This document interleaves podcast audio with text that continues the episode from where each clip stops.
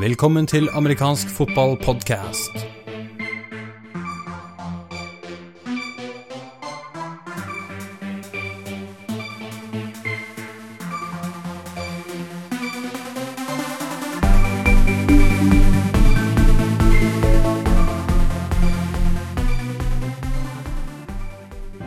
Velkommen til episode 13 av amerikansk fotballpodkast. Programleder for dagens sending er Patrick Hamnøy.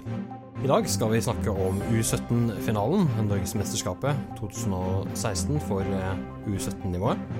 Vi skal eh, innom andredivisjon og hva som har foregått der den siste tiden, og ikke minst hva som gjenstår. Vi skal eh, også ta en kikk på Huddle, som er et filmdelingsverktøy, filmanalyseverktøy, som brukes av mange norske klubber.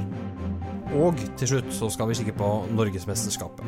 Vi har også en rekke intervjuer i løpet av sendingen, så hvis du følger med, så får du høre både Greg Clyden, Levon War, Morten Midtsund, undertegnede Jarl Magnus Henriksen, og selvfølgelig da Patrick Hamnøy. Sist, men ikke minst Eskil Hagen fra Gjøvik Swans. Da er vi klare for første periode av dagens sending.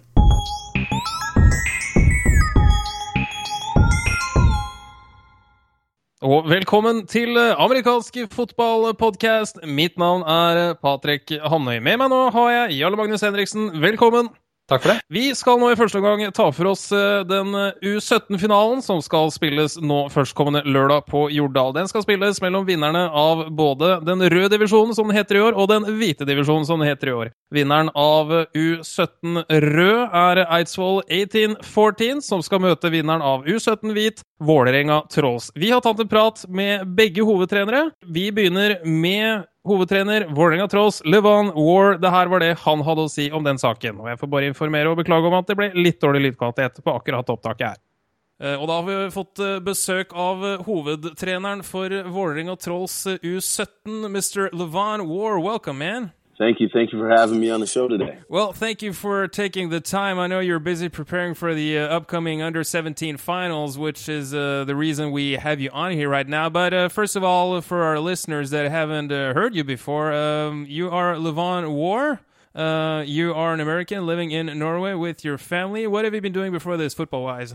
Uh, well, uh, you know, I've been here for the past uh, five five years. Uh, I did uh, coach the seniors for the Trolls uh, when I first came over here two years, and um, you know, I've been working in the health sector when I'm not coaching. but but fortunately, they pressed me to come back and and coach. They've been pressing me a few years now to coach you know, to coach him again, and I felt like the timing was right. So uh, I'm back, you know, coaching with the Trolls. Yeah, and apparently has been uh, producing some great results as well. I want to take the time and congratulate you on the perfect uh, season, first and foremost. Thank you, thank you very much. And now you're going to play the other undefeated team in the in the finals against the Eidsvoll under 17 team. how are you preparing for this game? You know, we we don't change anything. The off season, we haven't changed anything that that we do, you know, in preparing for the for the game. Obviously, we watch film on the opponent, uh, but uh, we like to stick to what we do best, and uh, and that's just play hard nosed football. Uh, we're very technical in what we do. I, I preach not making mistakes to the kids, so you know we work on eliminating our mistakes and and being in the right position and doing what our you know our responsibility and our role is. I mean, we're a team. Uh, we're one team, one family mentality uh, in in the trolls, and uh, we you know we thrive upon each guy believing in their ability. So uh, you know we're not any individuals on our team. I mean, we we are a team. We play you know we play the game as a team. Uh, as far as a as a team goes, uh, I mean, uh, one thing that's pretty obvious with the 1814s this year is there are a lot of players on on that team. I think there are 32, 33 players. Uh, the Trolls are not. Uh, you're not up on those numbers. How many guys are you this year? I mean, we've we've uh, teetered between around 15 and, and, and, 20. I mean, fortunately, we got some U15 guys, man, that have been you know stepping up for us. So I think we got we had about uh, seven guys come up. A few couldn't stay up because they hadn't played before, but but uh, you know that that helped us numbers wise because uh, we you know we've we've lost a few guys uh, to injury. Uh, we got a few guys who are going on vacation that you know are some of our better players and and uh, you know so we you know we have small numbers, but like I said, I mean we're a team and we try to teach the guys how to play football properly. So everybody feels like they're ready to go, no matter how old they are or how much experience they've had before. Now uh, you're you're pretty big on the on the team focus there, coach. But uh, if if I wanted to ask you for a, a, couple of players that you want to point uh, point out for us uh, that we uh, might want to take a closer look at for the upcoming game, do you have a, a, couple of names for us? Well, I mean, like you know, I'll be honest with you. I mean, our our uh, our team is we're we're solid. I, I feel like we are a solid team. You know what I mean? If you look at some of the better teams in the in the NFL, maybe who have won championships and so on and so forth. I mean, they did that because it was a team effort. And yeah, there's some individuals. We do have some, you know, probably some athletes out there that you're gonna notice, or you probably notice in other games. You know, uh, Andreas, a running back, our quarterback Lars. You know, on defense we have uh, Jurgen, we have uh. You know, Tobias even on the line, and and and, and Mott has stepped up. Eddie at corner, Eddie at receiver.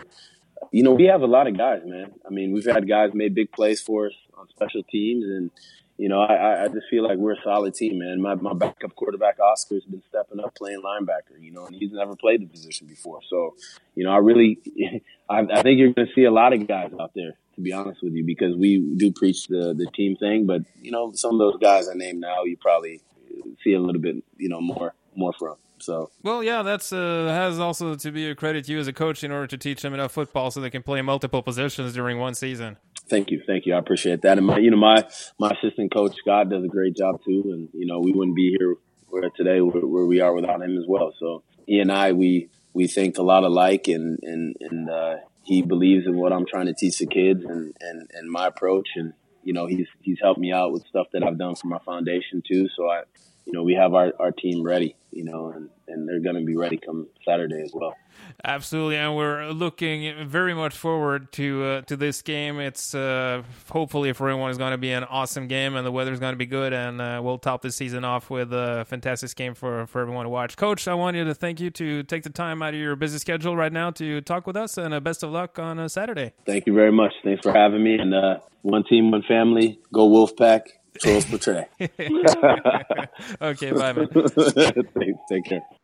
Det var altså det hovedtrener Vålerenga, Trolls Levan War, hadde å si eh, om kampen kommende lørdag. Da skal vi ta en liten titt på hva hovedtrener eh, Eidsvoll, eh, Greg Clyden, hadde å si i forkant av kampen. Og da sitter vi her med hovedtrener for Eidsvoll U17, Mr. Greg Clyden. Welcome. Thank you very much. Happy to be here again. Uh, yeah, you seem to. Is there any coach uh, coaching position you do not have in Eidsvoll? Uh, right now, no. Or our Pee Wee football, I don't. I don't have anything really to do with that. So that's the only thing. Okay, but you do have yeah. a Pee Wee team. We do have a Pee Wee flag football team. Yeah. Oh, that's awesome. So that's uh, up and um, going. Listen, we got you on here. Um, you guys are playing in the under seventeen finals uh, coming weekend. Uh, first of all, congrats on a perfect season. Thank you very much. Yeah, it's been uh, it's been a productive one for us. You know, we've had a really strong uh, off season after after last year, and uh, you know, been building strong towards uh, towards this towards this season. Absolutely, and talk about building strong. I mean, uh, I saw you guys when you played your first uh, home game for this year. It was at Jordal because of the weather, but you fielded uh, 32 to 33 players. I mean, that has to be one of the larger under 17 uh, rosters we've seen in years. Is it a lot of growth in Eidsvoll? Yeah, there's been uh, there's been a lot of growth these last uh, last couple years. You know, we started this project three years ago, and it's been steadily just becoming bigger and bigger. So we're you know being able to have 32 players allows us to to do a lot more during practice and things like this as we prepare week in week week out. Because the practice, uh, sh- the showing on practice is uh, as large as the roster itself. It's not 32 guys on paper and then 16 for practice. No, it's uh if we have around 26 players at practice, it's a bad day. So these kids oh. are really these kids are really committed, and they've been showing up. Uh, gosh, they've been showing up since October when we started right after the last uh, last game in U15. So they've been coming after it, and it's uh yeah, it's a credit to them how much they've been uh, buying into the system and just you know going all for it. You know, they really love the game and they love to learn and they'd love to be there. So if something's wrong where they can't come, it's uh you know it's something really big that uh, that keeps them away. That is awesome. Is that is that part of the culture that uh, the sort of uh, established senior team has uh, has managed to obtain in some ways? No, this is actually, uh, you know, they're I'd say they're even better than our senior team in that respect, where they uh, these kids are are hungry. You know, the, the senior team we have now, when they all started, when they were the same age as these kids, it was that same type of thing where that culture definitely was built in. And you know, when we started this three years ago, it was a fresh group, so we were able to start with a clean slate and just absolutely get after these kids and let them know uh, the importance of being there for their teammates and you know how it how dependent we are of uh, each and every one of them uh, week in and week out to be there so they you know they've taken that to heart and they want to be there for their teammates uh, to get better. So it's been uh, it's been really amazing to see how much they they give into this whole thing. And uh, we have a large coaching staff, which I think really helps it out as well. So they know that every time they come to practice, they're they're learning something, they're going to gain something. So it, it makes them want to be there because they know that they're going to have a lot of fun. They're with their friends, and uh, you know, it's just building into a really positive culture with these kids.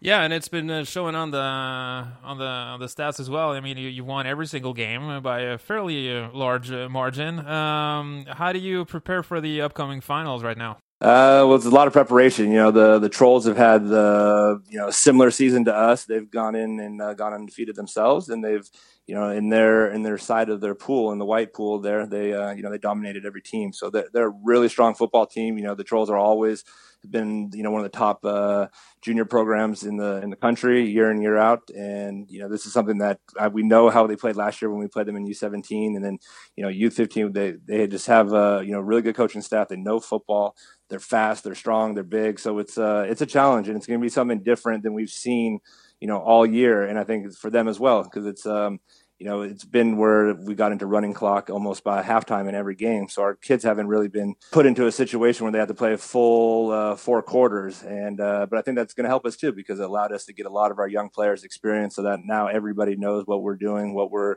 what we're doing offensively, what we're doing defensively. So it's uh, it's definitely something strong that. Uh, that we're able to come into this game with. But um, yeah, it's a it's a game we're absolutely looking forward to because, uh, like you said, uh, you're both undefeated and you haven't faced, uh, uh put it uh, mildly, lot real uh, opposition up until this point. are there any players on the under 17 team that you want to point out for us to to have a better look at for the upcoming game on Saturday? Yeah, absolutely. Um, well, definitely, we can start off with our with our quarterback, Wilhelm Dumbos. he he is a you know really talented football player. He's been uh, the leader from uh, day one when we when we got him in our program, and you know he's somebody who's uh, I built a really good relationship with, so that we're able to you know communicate, and he's able to see a lot of things, and you know he's almost like a, having a coach out there on the field because of how much he prepares, and you know he gets these kids where they're where they're supposed to be, and so I'm really excited to see uh, see him, and then uh, we got our running back and receiver.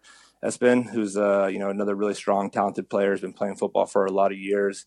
Uh, you know, combine that with our offensive line, which we got some um, we got some pretty talented offensive linemen um, on that side of the field, and then uh, you know on, on, defense, you know I think we got a really uh, good, strong uh, defensive back um, defensive back players as well as uh, our, our linebacker and captain uh, Marcus. So he's a you know he's a really fast kid who's who's smart, he's intelligent, and uh, helps everybody get into the place that they need to be. That's uh, awesome. And uh, after the game, how's it looking for the future for the Eidsvoll under 17? Are you losing a lot of guys to next year, or how's it looking? Actually, looks really good. We are only actually losing three players to uh, to graduation. so. Wow so we keep uh, we keep the whole base core of the of the team. Uh, so that's something that's uh, really positive. You know, last year I said it that we were the the youngest U17 team there. We were all kids who were just turning 15, and uh, you know, so put us in a good position to be successful last year with a couple of the older guys that we had that, that graduated, and then you know this year being really young again and having this big crop underneath who's um, who's all going to be playing U15, who still have actually two more years of U15 to go. Uh, so they you know they're a really good group of kids able to to step up and uh, round out this team for for next year as well. So if we put it in other terms, you're going to be downright scary for next year. I hope so. You know, it's uh, you know, it's uh, you know, I, these kids are are fantastic, and you know, but you never know who really, you never know who you're going to have until that time comes. Uh, there's always things, different things that come in where you know, so you can't really plan so far ahead. You know, uh, right now on paper, yes, that's one thing, but obviously everybody else becomes one year older as well. They become one more year educated in football experience. So, uh, you know, I think the field is always uh, wide open and a big challenge every single year you uh, you suit up. All right, want to wish you best of luck for the upcoming game, and uh, hopefully we'll uh, talk Saturday then. And thanks for coming on, Coach. Absolutely, thank you so much. Ja, det var altså det Greg Kleiden hadde å si om uh, U17-finalen på lørdag. Jarle Magnus, uh, nå har du hørt på begge intervjuene. Har du gjort deg noen tanker angående kampen uh, som skal spilles? Det skal bli spennende å se hvor mange Trolls har med. Det er jo ikke tvil om at Eidsvoll høres ut som de kommer til å ha flere spillere. Og så tror jeg det blir spennende å se to lag som har hatt ujevne kamper til sin fordel hele sesongen, møtes i en kamp hvor det bør kunne ha en mulighet til å bli jevnt holder nok eh, Jeg vet ikke om jeg skal tippe på noe lag her, for jeg har liksom ikke sett nok til å vite så veldig mye om dem utover resultatene. Da er det liksom vanskelig å se for seg helt hvordan det kommer til å spille seg ut. Um, men det er verdt å notere seg at her er det to trenere som har veldig fokus på kollektivet. Det bør kunne vise igjen på bra samspill. Ja, jeg også fikk med meg det at begge fokuserer veldig på det kollektive. Altså Nå har jeg kun sett én kamp av hvert lag, men med mitt inntrykk at det kollektive fokus var nok hakket større på Eidsvolls side. Det er altså Troll Rolls har uh, noen talenter, noen uh, som ble pekt ut av um, ja, jeg har sett, sett, litt klipp fra en kamp de hadde opp mot Domers, hvor han runnerbacken så veldig veldig god ut. Ja. Så det, jeg er spent på, på, å se hva han greier å gjøre mot et lag som sannsynligvis spiller bedre som en enhet enn det han har møtt hittil i sesongen. Det er akkurat det jeg tenker litt på. Ja, og runnerbacken, og så nevnte han også spesielt Eddie, som er den ene receiveren på, på Trolls. Høy, høy, høy fyr. Fysisk dominerende og en flink fotballspiller, skal jo også nevnes. Så jeg vil nok kanskje påstå at de individuelle kvalitetene er nok større hos Trolls. Men det er klart, du er 15-16 spillere, og så som Levan også sa, det er jo en del U15-spillere som har tatt steget opp for å hjelpe til. Men jeg må helt ærlig innrømme at jeg holder en liten knapp på Eidsvoll for kampen som kommer, rett og slett basert på tall, og som du også nevner, det, det, det kollektive. Har du eh, noen eh, spådommer du skal prøve deg på der, eller? Jeg hadde litt samme begrunnelsen i tilfelle, og det blir litt sånn eh, Du har sett mer enn meg på U17, så for meg så blir det litt for svakt grunnlag til å gi noe kvalifiserte synspunkter på det. Nei, men kvalifisert gjetting eh, er du jo for så vidt god på ellers, da. Så... Ja, da har vi Neidsvoll. da har vi Neidsvoll. Da har vi Dreifold. Nei, men da sier jeg tusen takk for dine synspunkter, Jelle Magnus. Vi gleder oss til U17-finalen eh, på lørdag. Da er første periode over, og vi er klare for andre periode.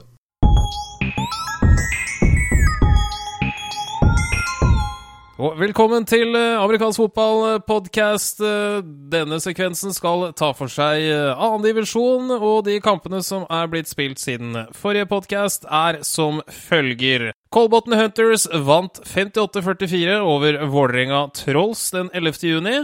Kristiansand Gladiators vant oppskriftsmessig mot Oslo Vikings sitt andre lag 65-15 på Frogner. Fredrikstad Kings gikk på et tap i Tromsø, og dette var Tromsø Trailblazers sin aller første seier.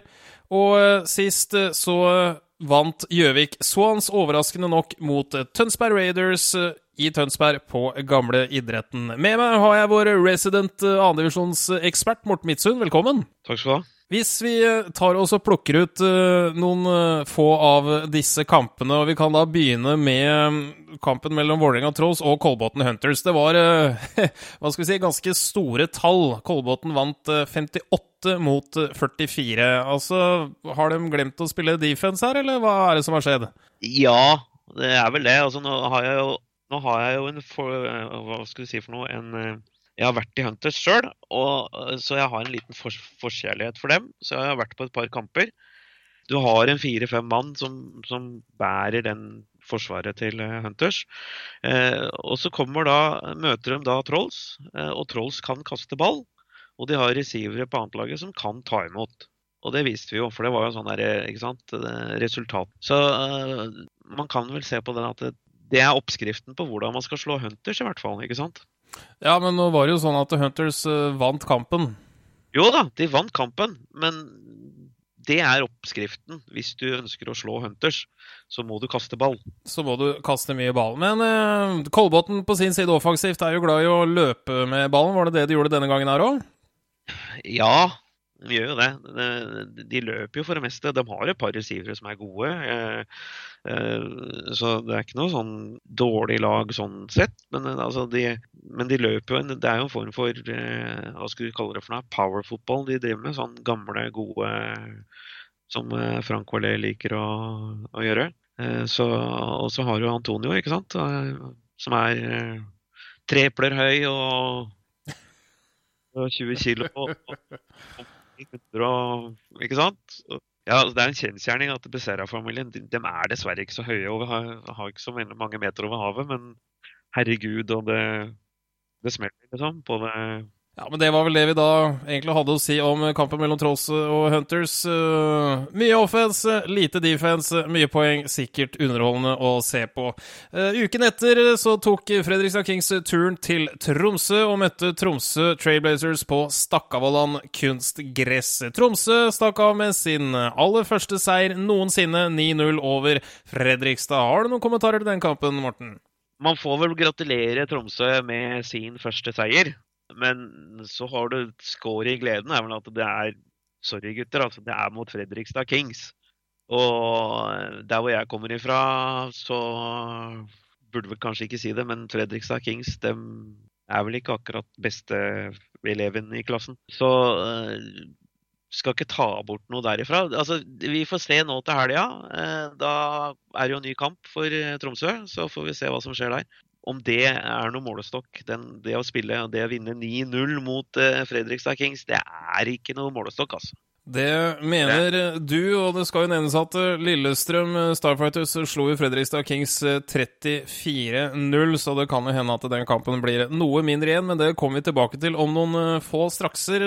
Første og siste kamp vi skal ta for oss nå, det var en kamp mellom Tønsberg Raiders og Gjøvik Swans spilt den 19. juni, og Gjøvik, overraskende nok kanskje, vil noen si, stakk av med seieren og påførte hittil da ubeseirede Tønsberg Raiders sitt første tap for sesongen. Vi tok en, en liten prat med hovedtrener for Gjøvik Swans for å høre litt hva han hadde å si om den kampen. Og da ønsker vi velkommen til eh, Eskil Hagen, hovedtrener for Gjøvik Swans. Velkommen. Takk for det. takk for det. Dere har nå eh, avslutta sesongen med høyst eh, respektabelt uh, sluttresultat. Dere har vunnet 50 av, av, kampene dere har spilt, og så har dere til gjengjeld også spilt særdeles jevne kamper. Dette er jo en, en vesentlig opptur sett opp mot, mot, fjoråret. Hva gjorde dere annerledes i forkant av årets sesong? Nei, altså Det vi gjorde, var at vi satte oss ned. Vi la opp et nytt styre fant ut hvem som skulle ta den og den delen for, på trenerstaben. Og begynte, som sagt, begynte tidligere. Og det viste seg at det var en, eh, var, gjorde en positiv side i forhold til sesongen. Eh, vi fikk også mye hjelp fra de eh, trenerne vi hadde første sesongen vår. Så det har egentlig bare hjulpet oss til å ja, rett og slett si en godt gjennomført sesong. Har dere hatt en, en avtale med, med 1814s uh, i forhold til en formeravtale for sesongen som har vært nå? Det har vi. Det har dere. Hvordan, hvordan fungerer den, synes du? Uh, I år så har det vært med at vi har lånt spillere til de. altså at De har fått, uh, de har fått lånt noen spillere oss, og de har fått prøve seg litt der. og Vi har trent, hatt noen treninger sammen med de, og det har gitt positiv virkning på spillerne våre. Absolutt. Så dette er noe dere kan, kan se for dere å fortsette med hvis, hvis muligheten blir gitt? Absolutt, absolutt. Eh, litt av grunnen til at jeg gjerne hadde lyst til å ta en liten, liten prat med deg, var jo denne siste kampen dere spilte mot uh, Tønsberg Raiders. Denne kampen uh, vant dere, Gjøvik Swans, på bortebane i, i Tønsberg. resultatet i seg selv 14-8. Dere slapp altså kun inn åtte poeng fra Tønsberg, som for årets sesong har hatt en av de mer eksplosive offensene i hele annendivisjon. hvordan klarte dere det? Eh, nei, altså vi reiste ned dit. Eh, vi var eh, flere som hadde skade, men vi reiste med, med et lag som rett og slett hadde, gikk med den innstillinga at det her var siste kampen vår. Vi skulle spille med moro og vi ville avslutte med stil. og Vi hadde hjelp fra de trenerne våre fra første året og hjalp hverandre på sida og bytta ofte. Holdt, holdt laget oppe hele, gjennom hele kampen og resulterte i en seier. og Sjøl kan jeg si at jeg var overraska, men eh, jeg syns gutta spilte kjempebra. Og vi klarte å sette på plass offensen deres. Og det var nok det som eh, gjorde, det slik at vi vant kampen, altså. Ja, for jeg tok en liten prat med Jon Andreas Johnsen fra, fra Tønsberg Raiders. Eh, som han sa det sjøl, jeg spiller linje, så det er ikke så mye jeg får med meg. men, ja. men det inntrykket var først og fremst at dere hadde forberedt dere veldig veldig godt i forkant av den, den kampen her. Og hadde egentlig relativt god kontroll på, på offensen til Tønsberg. Stemmer det? Det stemmer. Så dere hadde brukt mye tid på video og analyse i forkant av kampen? Vi hadde brukt litt tid på det, siden vi visste at Tønsberg var en veldig god motstander. De har spilt veldig bra i år, og det ble jo absolutt en av de tøffeste kampene våre. Og at utfallet skulle bli slik, det var jo bare kjempepositivt for vår skyld. Ja, absolutt. Og det var eh, et artig resultat for, for fotballen. Det er jo aldri moro for laget som eventuelt taper, men for fotballens del så er det jo alltid morsommere med jevne kamper. Men eh, for dere da videre i Gjøvik Swans, da. Hva, hva, skjer nå? Nå? Akkurat nå så har gutta hatt velfortjent sommerferie. Eh, vi er jo et, et, studentlag, kan det sies. For det, det, er jo mange studenter som spiller hos oss. Det er nye hvert år, og noen reiser etter sesongen. Så det er jo samle nye spillere. Det er jo flere lokale som har blitt med og interessert i denne sporten, her, så det er jo bare positivt. Og vi ser fram til at vi får bite på igjen eh, nå på høsten. og lært opp de nye gutta og fortsette å prøve å holde så mange som vi allerede har nå i laget. Og så bygge oss framover fram til neste sesong. Da tror jeg det blir godt med en velfortjent ferie. God sommer videre, og lykke til med sesongoppkjøringen for sesongen 2017. Eskil Hagen, takk for at du kom. Tusen takk. Og det var det hovedtrener Gjøvik Swans hadde å si om eh, den kampen. Og inntrykkene kan for øvrig også bekreftes fra Tønsberg-siden. Vi tok en, eh, som nevnt, liten prat med eh, Jon Andreas Johnsen fra Tønsberg Raiders, som også nevnte det at jo, Gjøvik kom forberedt, og de stoppa oss der vi trodde vi var som sterkest. Så all kudos til Gjøvik der. Har du noen kommentarer til den kampen, Morten?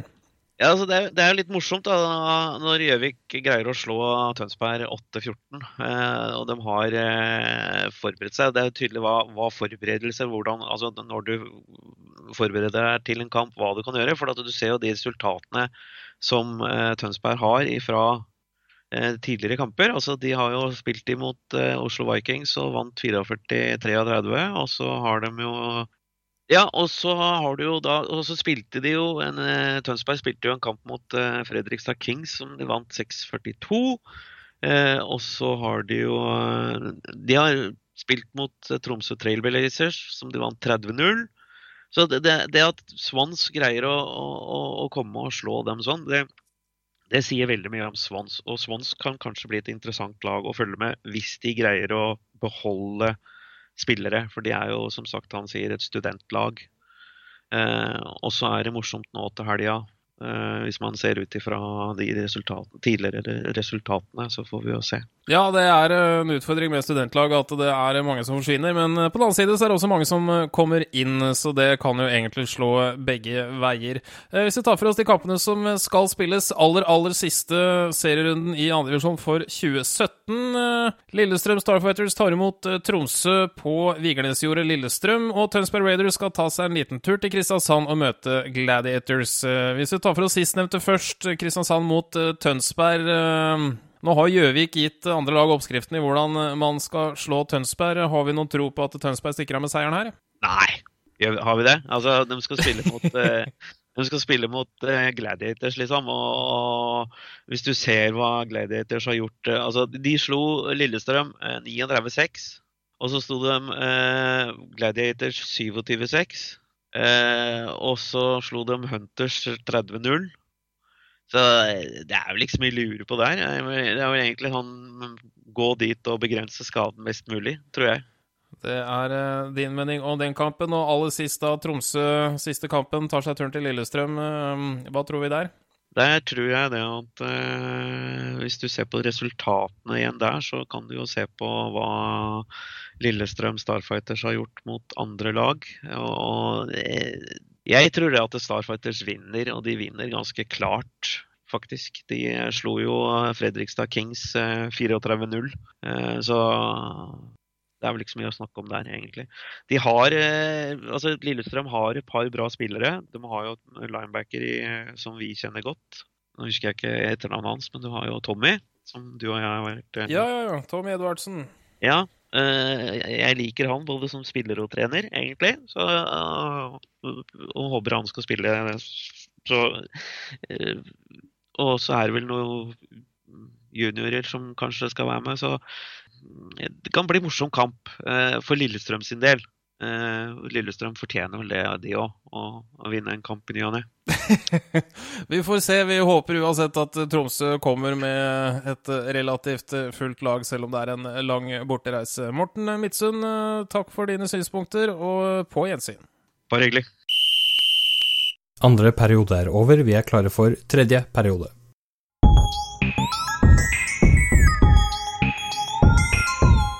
Velkommen tilbake til ny sekvens i amerikansk fotballpodkast. Gjelle Magnus, du er fortsatt med oss. Det er jeg. Vi skal snakke litt om Huddle, som er Ja, du kan jo egentlig fortelle oss hva Huddle er, Gjelle Magnus? Ja.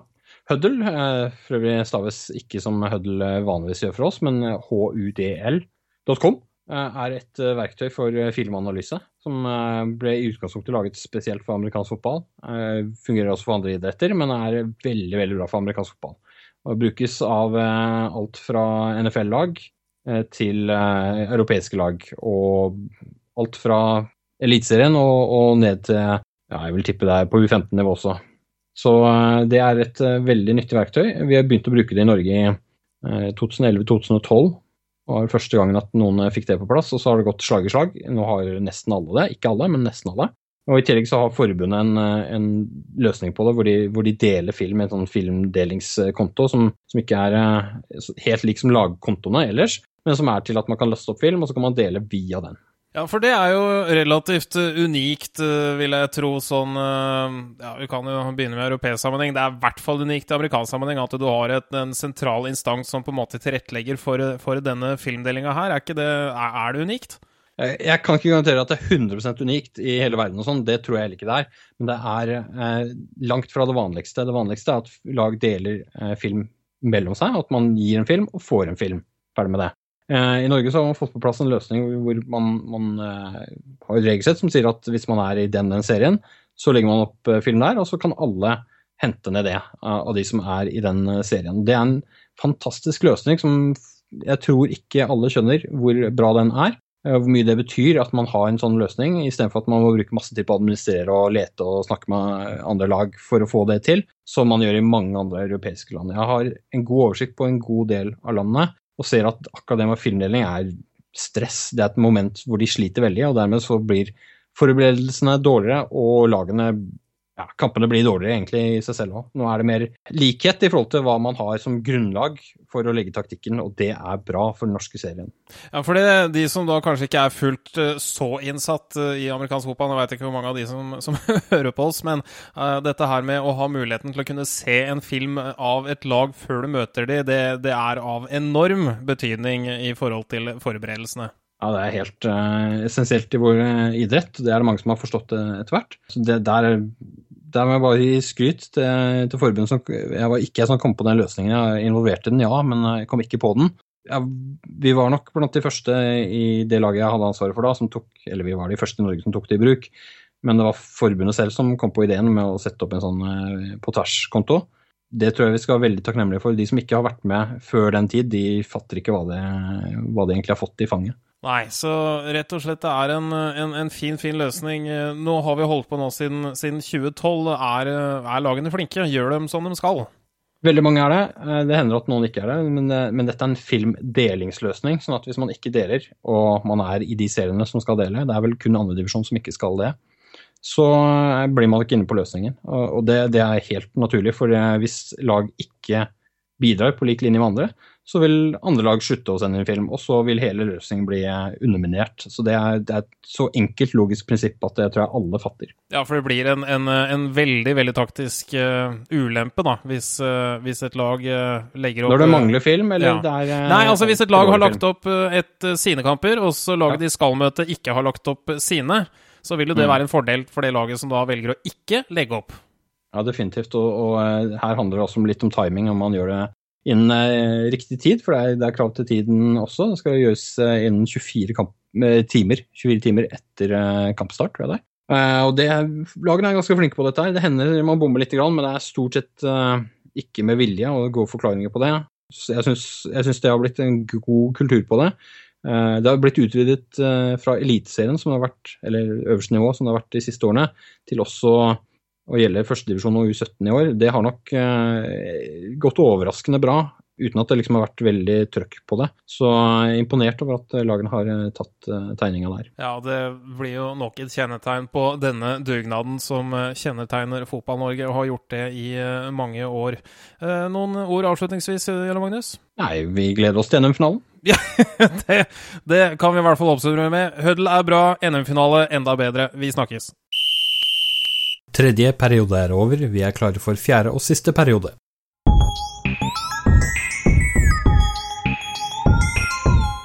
Og velkommen tilbake til amerikanske fotballpodkast. Ny sekvens. Vi tar for oss veien til NM-gull. Med meg har jeg fortsatt Jarle Magnus Henriksen. Velkommen. Takk for det. Nå er sluttspillet endelig i gang, og øh, det har vært øh, spilt øh, både åttendelsfinaler og kvartfinaler siden forrige podkast. Hvis vi i første omgang tar for oss åttendelsfinalene, som er nye av året, hvor de fire beste lagene i førstedivisjon møtes for å se hvem som får møte et eliteserielag i kvartfinalen. Den første kampen som ble spilt åttendedelsfinale, var Åsane Seahawks, som tok imot Sarpsborg Olavs menn og vant relativt greit, 42-0 på hjemmebane. Og NTNUI Nidaros Domers tok imot Haugesund Hurricanes i Trondheim og vant kampen 42-6. Hvis vi begynner med den første kampen i alle Åsane Seahawks mot Sarpsborg Olavs menn 42-0. Relativt dominerende seier fra Åsanes side? Ja, eh, trist i den forstand at vi hadde nok sett for oss en mer spennende og toveis underholdende kamp, om du vil. Det var jo kjekt å se Åsane se bra ut, som de har gjort flere ganger i løpet av sesongen. Men det uh, er trist at uh, Olavs menn, som jeg forsto fikk en vanskelig reise til, til, Bergen, heller ikke greide å prestere på banen. og det, Jeg tror ikke reisen skal ta skyld i det tapet. Det, det, er mer enn det som ikke gikk bra. Så det så veldig ensidig ut. Det gjør det på statsen nå. Med, med Åsane har 338 total yards, mens Olavs menn har 32. Det er jo ikke akkurat det vi så for oss i forkant av kampen, selv om vi nok hadde sett for oss at Åsane kom til å vinne. Jeg synes egentlig det beste med den kampen det var vel intervjuet som Morten hadde med Travis i dusjen etter eh, kampen. ja, det tror jeg blir første og siste gang en av våre reportere slipper inn i dusjen noe som helst sted, men uh, vi får se. Nei, det var som sagt veldig ubalansert affære, og det skal nevnes av de 32 uh, totale yardsene fra Sarpsborgs side, så var jo minus 9 av de på rushing. Var dette her rett og slett Åsane som ble altfor sterke, eller var det som vi også lurte, eller hva skal vi si, spådde i forkant av kampen, at Travis Cornwell ikke spilte så som han vanligvis kan. Kombinasjonen, eh, hvis man ikke liksom har det som er kjernen i, det man har greid å gjøre tidligere i sesongen, eh, med seg på en god måte. Han var nok eh, begrenset, det syns jeg var, var, mulig å se. Men Åsane har spilt mot dem før og var godt forberedt, og, og det, de gjorde en god innsats. og det var flere spillere der som sto fram. De hadde jo da manglet, som kampen før, så manglet de den quarterbacken de hadde brorparten av sesongen. Eh, men spilte nå med Alexander Brinkmann, jeg tror han heter Brinkmann Hansen. Uh, Mathias Kleppestad og Alex, uh, Alexis uh, på QB. veldig spennende å se Alexis, som, som, egentlig er mer en running back, og det var vel det han stort sett gjorde. Han fikk 100 yards rushing i den kampen. Eh, så veldig lovende ut med tanke på hva han da potensielt kunne gjøre i kvartfinalen. Men uh, hvem, hvem, er denne Alexander Brinkmann? For Åsane Seahawks har jo hatt en, en islandsk quarterback gjennom hele sesongen. Han er ikke lenger en del av laget, og de hadde en uh, quarterback til. Uh, ja, Dan, Daniel Peter i siste seriekampen, som ikke var kvalifisert for sluttspillet med ja. på antall kamper og sånn, så det var jo litt kjipt. Det hadde vært kjekt å se han. Det hadde gitt også en, en annen dimensjon. Uh, Brinkmann syns ikke han har gjort seg helt eh, bort på QB, men det er klart eh, Løp rundt og var litt småskadet selv og, og, var nok ikke helt komfortabel i posisjonen. Det ville nok helst hatt han på receiver hvis han var, uh, hvis han var fit for fight. Ja, men fremdeles høyst respektable tall. 14 completions på 23 forsøk for 135 yards. Jeg syns det er en ganske solid første kamp jeg på quarterback. Ja, definitivt. Gjorde seg ikke bort i den kampen. Men det er klart motstanden var jeg syns ikke Olav Sement så ut som, som, et lag på defense. Det var enkeltspillere som gjorde bra taklinger og litt ting underveis, men det var liksom ikke et uh, helhetlig forsvar. Hvis vi da beveger oss videre til den andre åttendedelsfinalen. Nidaros Dormers eh, tok imot Haugesund Hurricanes eh, i Trondheim, vant 42-6. Også et veldig ensidig resultat. Nidaros er rett og slett for sterke. Kun ett år siden de spilte Eliteserien. Det ble veldig tydelig. Ja, og Haugesund har ikke sett bra ut mot Nidaros tidligere i år heller, og, og begynte jo sesongen dårlig. Jeg så dem i preseason i tillegg. Da så det ut som de var litt uh, annerledes enn det de var året før. Um, så kom de seg på slutten av sesongen, men uh, det virka vel ikke helt som om de var uh, klare for, for, et lag av do dommers kaliber. Og, og, det er klart når man ender opp med 15 yards totalt på offense, så har det vært Da skal man ha mange safeties på defense for å vinne den kampen, tror jeg. Det, det hadde de ikke. Nå har vi for så vidt begge vært med på å vinne en kamp omtrent kun på safety, men uh, det begynner å, å bli noen, noen, år siden. Uh, det skal jo også nevnes Braga Harby. Uh, hvor gammel er han blitt nå? 18, tror jeg. Ja, jeg syns det er litt gøy å se en 18-åring starte på quarterback eh, for Nidaros Stormers og gjøre det egentlig helt ålreit. 15 eh, eh, forsøk, 9 completions for 127 yards og 3 touchdowns. Det mener jeg er høyst akseptable tall for en førsteårs seniorspiller. Ja, at han har 60% completions var jo veldig bra, syns jeg. Eh, Domers har, har, gjort en bra innsats eh, over noen år der med å bygge opp et eh, U17-lag som de da drar nytte av, og får opp spillere som uh, både han og Johannes Moe, som kan spille quarterback. så tror jeg nok det er en del jobb igjen å gjøre, i hvert fall av det jeg har sett. så jeg håper de, de, utvikler seg nok videre, og da blir det spennende å se. Begge de to er klare for U19-spill til høsten. Og det tror jeg kan bli spennende å få med seg. Eh, hvis vi fortsetter videre da til eh, kvartfinalene. Åsane og eh, Nidaros gikk da videre til kvartfinalene, der eh, Nidaros møtte Vålerenga Trolls. Og Åsane eh, tok imot Lura Bulls. Hvis vi tar for oss Nidaros mot Trolls i første omgang, da ble det Trolls-seier. Kanskje ikke overraskende for så veldig mange, men likevel ikke de store tallene vi kanskje hadde sett for oss før kampen. Det interessante var jo at vi, vi legger ut en sånn poll eh, hver, eh, før hver runde, hvor man kan stemme på hvem man tror vinner en del av kampene.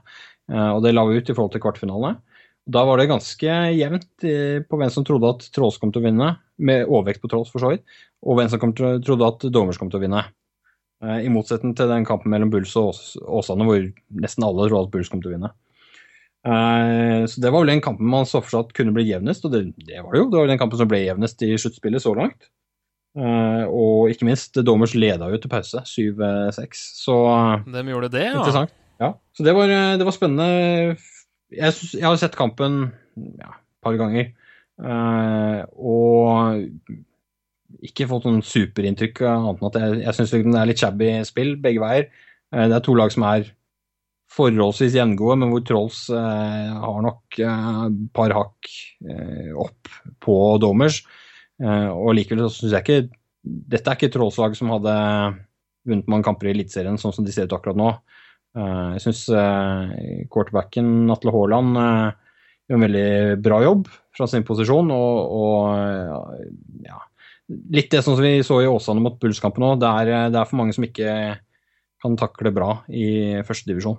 Og det gjelder også Dommer, som er ett år fra å være eliteserielag. Ja, det ble veldig, veldig tydelig at Atle Haaland er tilbake igjen for fullt for Troll sin del. Sto for 100 yards eh, passing for to touchdowns, og eh, ikke minst 173 yards rushing som quarterback. Så enten så er det som du sier at Nidaros ikke klarer å takle ordentlig, eller så er det noen som har veldig friske bein etter å ha vært eh, skadet gjennom større delen av sesongen. Ja, jeg tror de kommer til å trenge det i beina uh, i semifinalen nå. Så det er positivt å se den delen. Uh, så får vi bare håpe at de også får uh, pasningsspillet tilbake til mer normale som de har hatt. da, 200-250 yards. det tror jeg de trenger i den runden som kommer. Og det får vi se. Hvis vi tar for oss den siste kvartfinalen, Åsane Seahawks tok imot Lura Bulls, og ja, vi fikk vel rett og slett deng, som man kunne sagt på godt norsk. Det ble ikke veldig jevnt, nei. Nei, det gjør det ikke. Hva er eh, dine tanker etter å ha sett den kampen?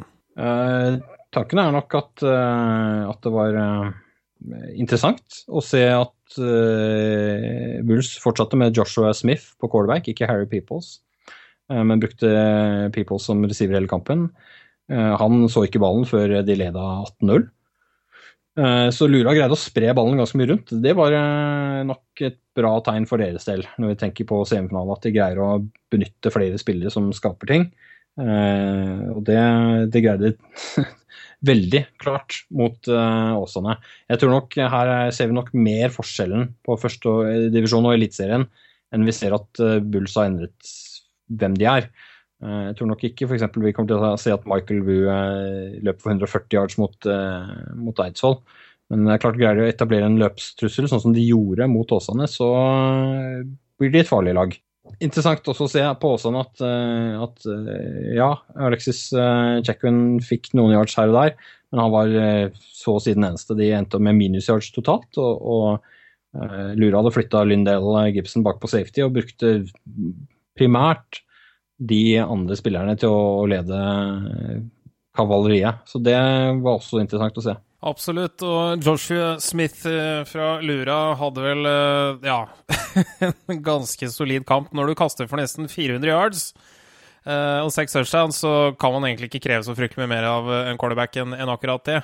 Mm, nei, ikke når man ser på stats. Jeg har jo sett kampen x antall ganger i dette tilfellet. Og det er en del ting å hente på. Teknikk og hva man gjør etter å ha avlevert ballen og sånne ting. Og, og de, har, de, har, jo en utfordring da, med at de har 46% completions. Lura egentlig har hatt ganske lav completion-prosent hele sesongen. Og det tror jeg de må heve hvis de skal vinne helt inn. Ja, vi får da se hvordan det holder hele veien inn til resten av sluttspillet. Da har vi semifinalen igjen. Ja. Eidsvoll får besøk av Lura Bulls på lørdag på Bøen stadion klokka 13.00. Ehm, hva tror du om den kampen, Magnus? Jeg tror det har potensial til å bli en eh, spennende kamp, eh, som det har blitt mellom de to lagene. De siste gangene de har møttes på Bøen, og dette er jo siste gang de møttes på Bøen, eh, har vi forstått. For nå, nå blir det teltleir og ikke bane i tiden ja. framover. Det er som vi har skrevet litt om tidligere her på, på Amfotball.com, altså Eidsvoll 1814s eh, mister da hjemmebanen sin eh, etter endt eh, høstsesong. Ja, og det er kjipt, for det, de fleste av oss har nå et forhold til Bøen og tenker på Eidsvoll der. og syns det er kjipt å tape der, men også, også, det er en atmosfære der. De har skapt noe. Så det håper vi at de får til et annet sted også. I den kampen som går på lørdag, så tror jeg de Eh, det blir spørsmål om Lura greier å få i gang det pasningsspillet eh, nok en gang. Eh, og treffe flere enn Peoples, men selvfølgelig også Peoples ja, der, du, du, du, du, ser for deg at Peoples blir på receiver? Ja, det er jeg ganske sikker på. Så da er det fortsatt Joshua Smith på quarterback og ikke Harry Peoples. Men da må jeg også spørre deg, er egentlig ikke Lura og, og, og Oslo Vikings sånn relativt like i offensivt tankesett? Mm, jo, i utgangspunktet så er de det. I utgangspunktet Men, så er de det, fordi Vikings vant jo da over Eidsvoll. Jeg tror, jeg tror, den store forskjellen er at offensiv linje hos eh, Vikings har utviklet seg langt bedre utover sesongen. Lura har heller ikke vært helt håpløs eh, på slutten nå, men de er Jeg ser ikke den samme dybden. Eh, og de har nok noen spillere som ikke har samme toppkvalitet som det Vikings sin starterlinje har. Men hva tror du, hvis du skal prøve å tippe på noe, noe resultat mellom Eidsvoll og Lura?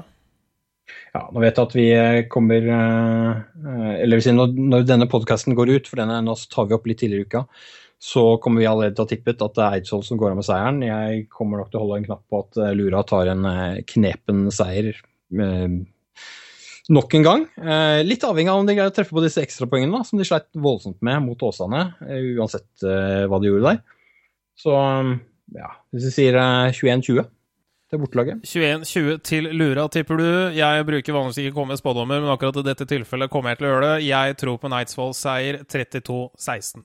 Mm. Neste semifinale, eller siste semifinale for uh, i år. Oslo Vikings tar imot uh, Vålerenga Trolls uh, på Frogner. Uh, ja, det er vel Kan vel si at hvis du skal velge ut én forutsigbar kamp til helgen, så er det vel kanskje denne? Ja, det tror jeg også. Det, jeg tror det er veldig få utenfor klubbhuset til Trolls. Eh, kanskje er det noen i klubbhuset også som har problemer med å tro på at det blir seier. Men eh, de må treffe på alt av spillere tilbake, friske prestasjoner. En del rundt taktikk og sånne ting for å vinne den kampen, tror jeg. Og så tror jeg at Vikings må underprestere ganske grundig. Og det, jeg tror ikke de er der. Jeg tror Vikings har en, en form som er bra nå. Jeg tror at de begynner å lukte NM-finale og har begynt å drømme om det NM-gullet. Eh, jeg tror ikke det betyr at de kommer til å overse semifinalen. Jeg tror heller det betyr at de kommer til å være intense i forhold til å vinne den og sikre at de kommer til finalen. Hvis vi da ser for oss at uh, Atle Haaland for Trolls er tilbake for, uh, for, fullt nå, ser det ut som uh, Tror vi at det vil påvirke resultatet? At det blir kanskje litt mindre dominans fra Vikings side enn det ble forrige gang?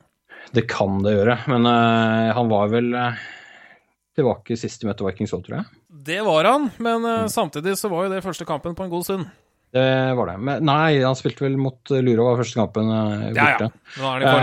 Men, men, hovedpoenget tror jeg ligger på defense, og at hvis ikke Trond Christian Enersen er tilbake, så er jeg mer bekymret for at Trolls ikke greier å stenge ned Vikings godt nok.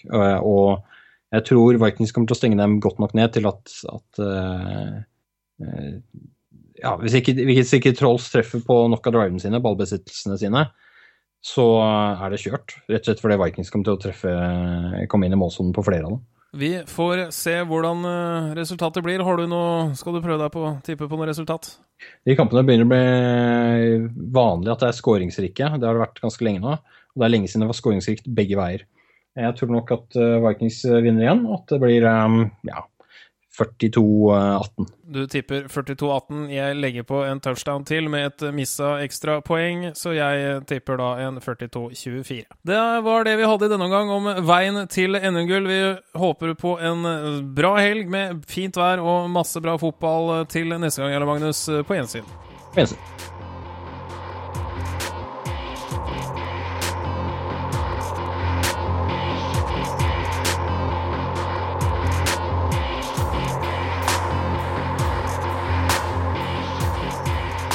Amerikansk fotballpodkast er over for i dag.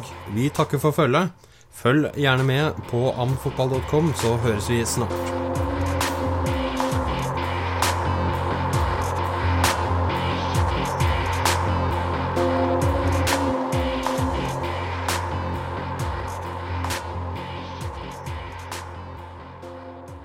Han beholder ballen sjøl, bestemmer seg for å løpe mot målsonen.